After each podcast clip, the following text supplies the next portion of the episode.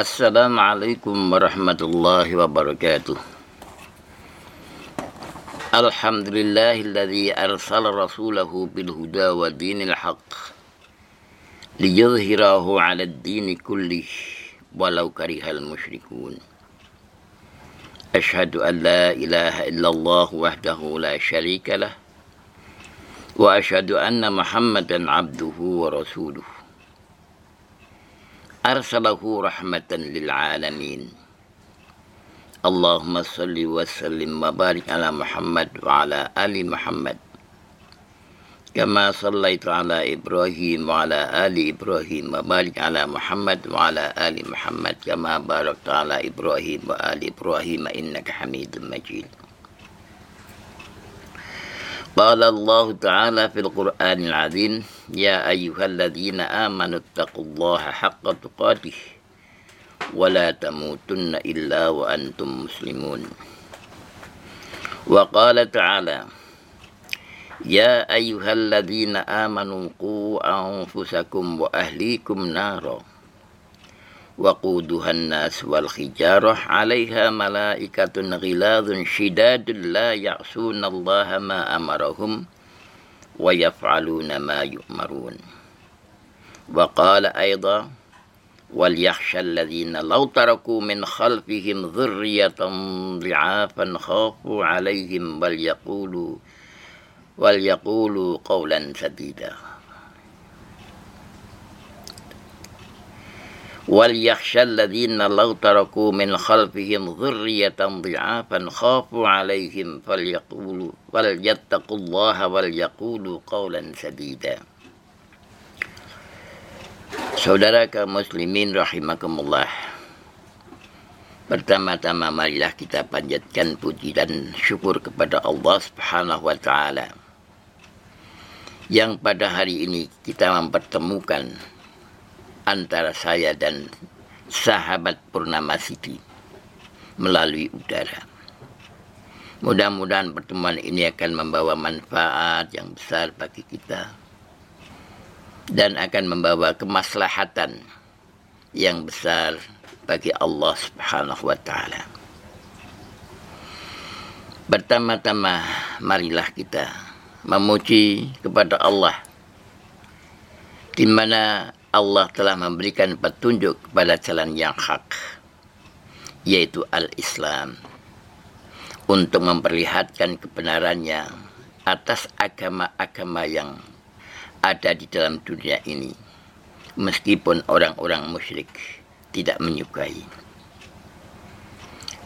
Saya bersaksi bahwa tiada Tuhan kecuali Allah yang tidak ada syarikat baginya dan saya bersaksi bahwa junjungan Nabi besar Muhammad sallallahu alaihi wasallam adalah hamba dan utusan Allah. Diutusnya untuk rahmat bagi seluruh alam. Saudara kaum muslimin rahimakumullah sahabat bernama Sidi. Allah berfirman, Wahai orang-orang yang beriman, bertakwalah kalian kepada Allah dengan takwa yang sebenar-benar takwa. Dan janganlah kamu sekalian menjumpai kematian sebelum kita atau kamu sekalian berserah diri bulat-bulat kepada Allah. Illa wa antum muslimun. Dan firmannya lagi, hai orang-orang yang beriman, peliharalah dirimu dan ahli-ahlimu daripada sengatan api neraka yang sangat pedih. Yang bahan bakarnya adalah manusia dan batu-batu. Di dalamnya ada malaikat yang kejam keras dan tidak akan mem pernah membangkang perintah-perintah Allah yakni selalu melaksanakan apa pun yang diperintahkan dan Allah berfirman lagi, Hendaklah kalian mempunyai rasa khawatir, takut, kalau di kemudian hari meninggalkan anak keturunan yang yang lemah. Takutlah atas mereka dan bertakwalah kepada Allah seraya berkatalah dengan kata-kata yang indah yang benar. Saudara kaum muslimin rahimakumullah. Dari ketiga ayat tersebut mengajarkan kepada kita yang pertama, setiap mukmin itu wajib bertakwa kepada Allah dengan takwa yang sebenar-benar takwa. Takwa yang telah dituntunkan di dalam Al-Quran. Takwa yang telah dituntunkan di dalam hadis Rasulullah Sallallahu Alaihi Wasallam. Yang kedua, setiap mukmin wajib bertanggung jawab atas dirinya sendiri dan keluarganya dari ancaman siksa neraka. Sehingga setiap mukmin mempunyai rasa tanggung jawab untuk membimbing dirinya dan keluarganya selamat daripada ancaman neraka. Yang ketiga, setiap mukmin harus bertanggung jawab atas keselamatan keturunannya di kemudian hari. Apabila kita sudah meninggalkan, jangan sampai meninggalkan keturunan-keturunan yang lemah. Lemah iman, lemah ilmu, lemah ibadahnya, lemah fisiknya, dan lemah harta bendanya. Kesimpulannya, setiap mukmin wajib berikhtiar berjuang mewujudkan dan atau membina anak keturunannya untuk menjadi anak yang saleh. Menyiapkan generasi salehin untuk masa untuk mengarungi masa depan adalah merupakan wajib bagi setiap mukmin. Saudara kaum muslimin, dalam kajian ini memang sengaja saya saya siapkan untuk menyiapkan generasi solihin. Untuk mengawali kajian menyiapkan generasi solihin, saya pandang lebih baik. Lebih dahulu kita kaji dan kita pahami firman Allah di dalam Al-Quran surat As-Sajdah. Surat yang ke-32 ayat 7, 8, dan 9 yang berkaitan bagaimana Allah menciptakan manusia. Kemudian yang kedua adalah surat Al-Isra. Surat yang ke-17 ayat 70 tentang bagaimana Allah memuliakan manusia. Saudara kaum muslimin yang berbahagia. Adapun ayat yang berkaitan dengan bagaimana Allah menciptakan manusia, kemudian Allah memuliakan manusia itu. Tersebut di dalam surat As-Sajdah itu tadi Allah berfirman, A'udzu billahi minasyaitonir rajim. Alladzi ahsana kulla syai'in khalaqah wa bada'a khalqal insana min tin. Thumma ja'ala naslahu min sulalatin mimma immahin. Thumma sawwahu wa nafakha fihi min ruhihi. Wa ja'ala lakumus sam'a wal absara wal af'idah qalilan ma tashkurun. Yang artinya Allah lah yang membuat segala sesuatu yang dia ciptakan sebaik-baik dan yang memulai penciptaan manusia dari tanah dari tanah kemudian dia menciptakan keturunannya dari saripati air yang hina, yaitu ma'im mahin. Kemudian dia menyempurnakan dan meniupkan ke dalamnya ruh ciptaan Allah yang suci. Dan dia menjadikan bagi kamu sekalian pendengaran, penglihatan, dan hati. Tetapi kamu sedikit sekali yang bersyukur kepada Allah. Ayat uh, kedua yaitu surat Isra Allah berfirman walaqad zarokna bani Adam wa hamalnahum fil barri wal bahr wa razaqnahum min minat tayyibati wa faddalna ala kathirin mimman khalaqna dan sesungguhnya kami muliakan anak-anak Adam kami angkut mereka di daratan dan di lautan. Kami beri mereka rezeki yang baik-baik dan kami lebihkan mereka dengan kelebihan-kelebihan yang sempurna atas kebanyakan makhluk-makhluk yang telah kami ciptakan. Al-Isra surat ke-17 ayat 70. Darah sekalian yang berbahagia, dalam surat As-Sajdah, surat yang ke-32 ayat 7, 8, dan 9, Allah menjelaskan manusia itu diciptakan yang bahan bakunya dari tanah. Tanah itu adalah nilainya adalah rendah dibanding dengan nur, cahaya, dan api. Selanjutnya Allah menciptakan keturunannya itu dengan ma'im mahin. Air yang hina, yaitu sperma atau air mani atau nutfah menurut bahasa Arab. Bahan baku tersebut mempunyai nilai rendah. Siapa yang menganggap air mani itu adalah baik, Orang memandang jijik terhadap apa yang telah keluar daripada dirinya sendiri. Tetapi Allah menyempurnakan ciptaannya dengan meniupkan ruh suci. Setelah disempurnakan, ciptaan menjadi bentuk manusia. Allah meniupkan ruh suci ciptaannya. Kemudian dilengkapi dengan pendengaran, penglihatan, dan hati atau akal pikiran dan atau domir atau hati nurani. Inilah yang menjadi manusia menjadi mulia.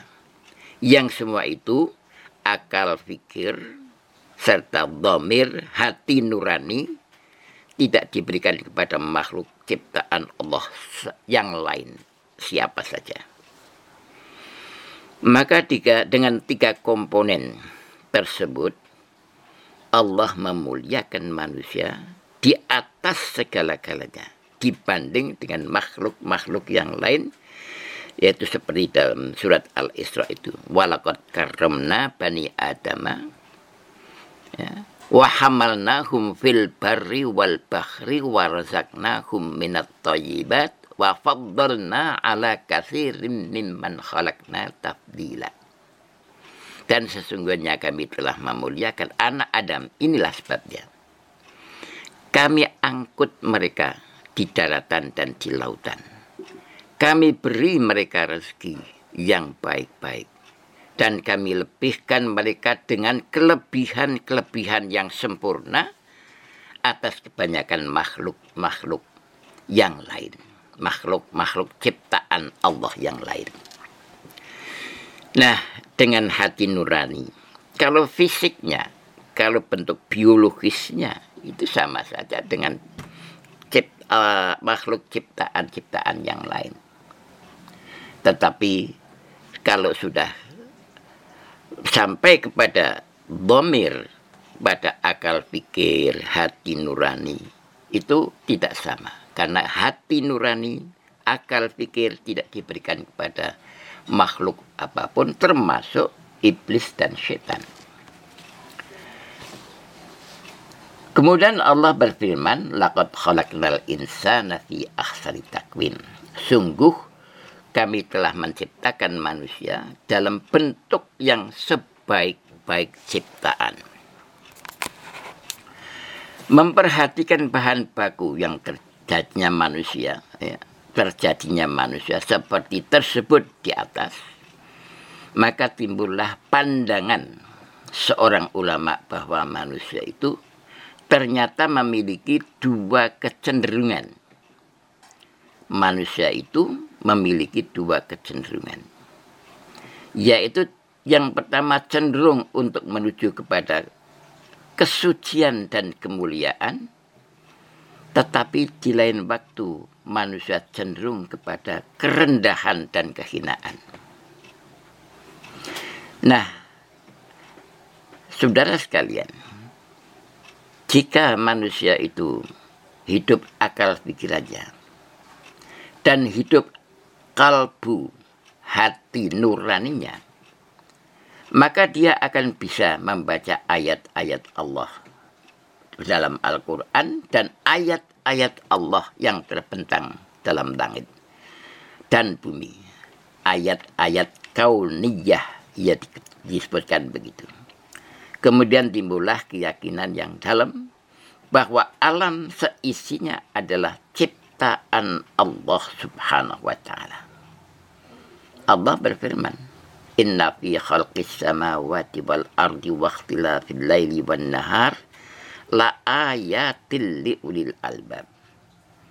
Bahwa sungguhnya dalam penciptaan langit dan bumi yang diciptakan oleh Allah dan silih bergantinya malam dan siang terdapat tanda-tanda bagi orang-orang yang berakal berakal pikir berhati nurani ini tersebut di dalam surat Ali Imran. Surat yang ketiga ayat 190. Maka orang yang berakal itu selalu mengingat kepada Allah sebagai penciptanya, sebagai Tuhannya. Di mana ia berada?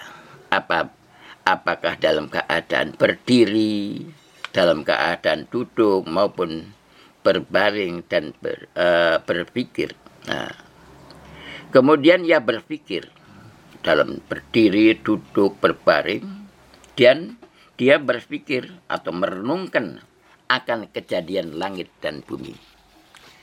Seraya mencip, mengucapkan, Ya Tuhan kami, Engkau ciptakan semua itu tidak sia-sia, maka maha sucilah Engkau.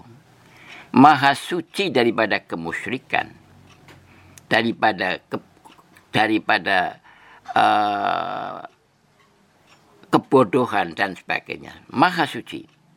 Maka jauhkanlah kami dari siksa neraka.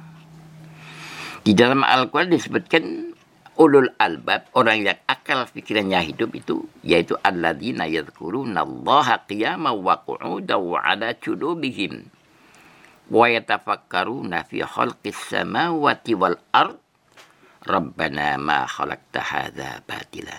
Subhanaka faqina adzaban nar. Yaitu ulul albab itu ya, orang-orang yang hidup akal pikir dan nuraninya yaitu orang-orang yang mengingat Allah sambil berdiri atau duduk atau dalam keadaan berbaring dan mereka memikirkan, berpikir tentang penciptaan langit dan bumi. Seraya berkata, Ya Tuhan kami, tiadalah engkau menciptakan itu semua dengan sia-sia. Artinya semua ada manfaat bagi umat manusia. Maha suci engkau ya Allah. Maka peliharalah kami dari siksa neraka. Inilah sifat sifat orang yang mau menghidupkan akal pikirnya. Dan inilah yang disebut ulul adbab. Orang yang hidup akal pikirnya, dia mampu membaca fenomena alam yang kemudian menumbuhkan rasa iman, membangkitkan semangat untuk beramal soleh. Ketaatannya sangat tinggi kepada Allah, dipenuhi rasa cinta yang sangat dalam sehingga dimaksud, uh, dimasukkan golongan-golongan yang disebut mukarrabin orang-orang yang dekat sekali kepada Allah. Hamba Allah yang demikian inilah akan lebih tinggi derajatnya daripada makhluk-makhluk yang lain termasuk malaikat inilah orang yang menghidupkan akal pikirnya. Dan mudah-mudahan atas pertolongan Allah, Allah akan senantiasa memberikan suatu rahmah kepada kita. Sehingga kita sekalian ini akan menjadi orang yang hidup akal pikirnya. Dan akan menjadi orang yang mulia di sisi Allah Subhanahu wa taala lantaran banyak atau lantaran kuat imannya dan kuat takwanya kepada Allah dan senantiasa berzikir kepada Allah Subhanahu wa taala. Saya cukupkan sampai ini dulu. Insya Allah kita sambung pada waktu yang sama. Billahi taufik wal hidayah. والسلام عليكم ورحمة الله وبركاته.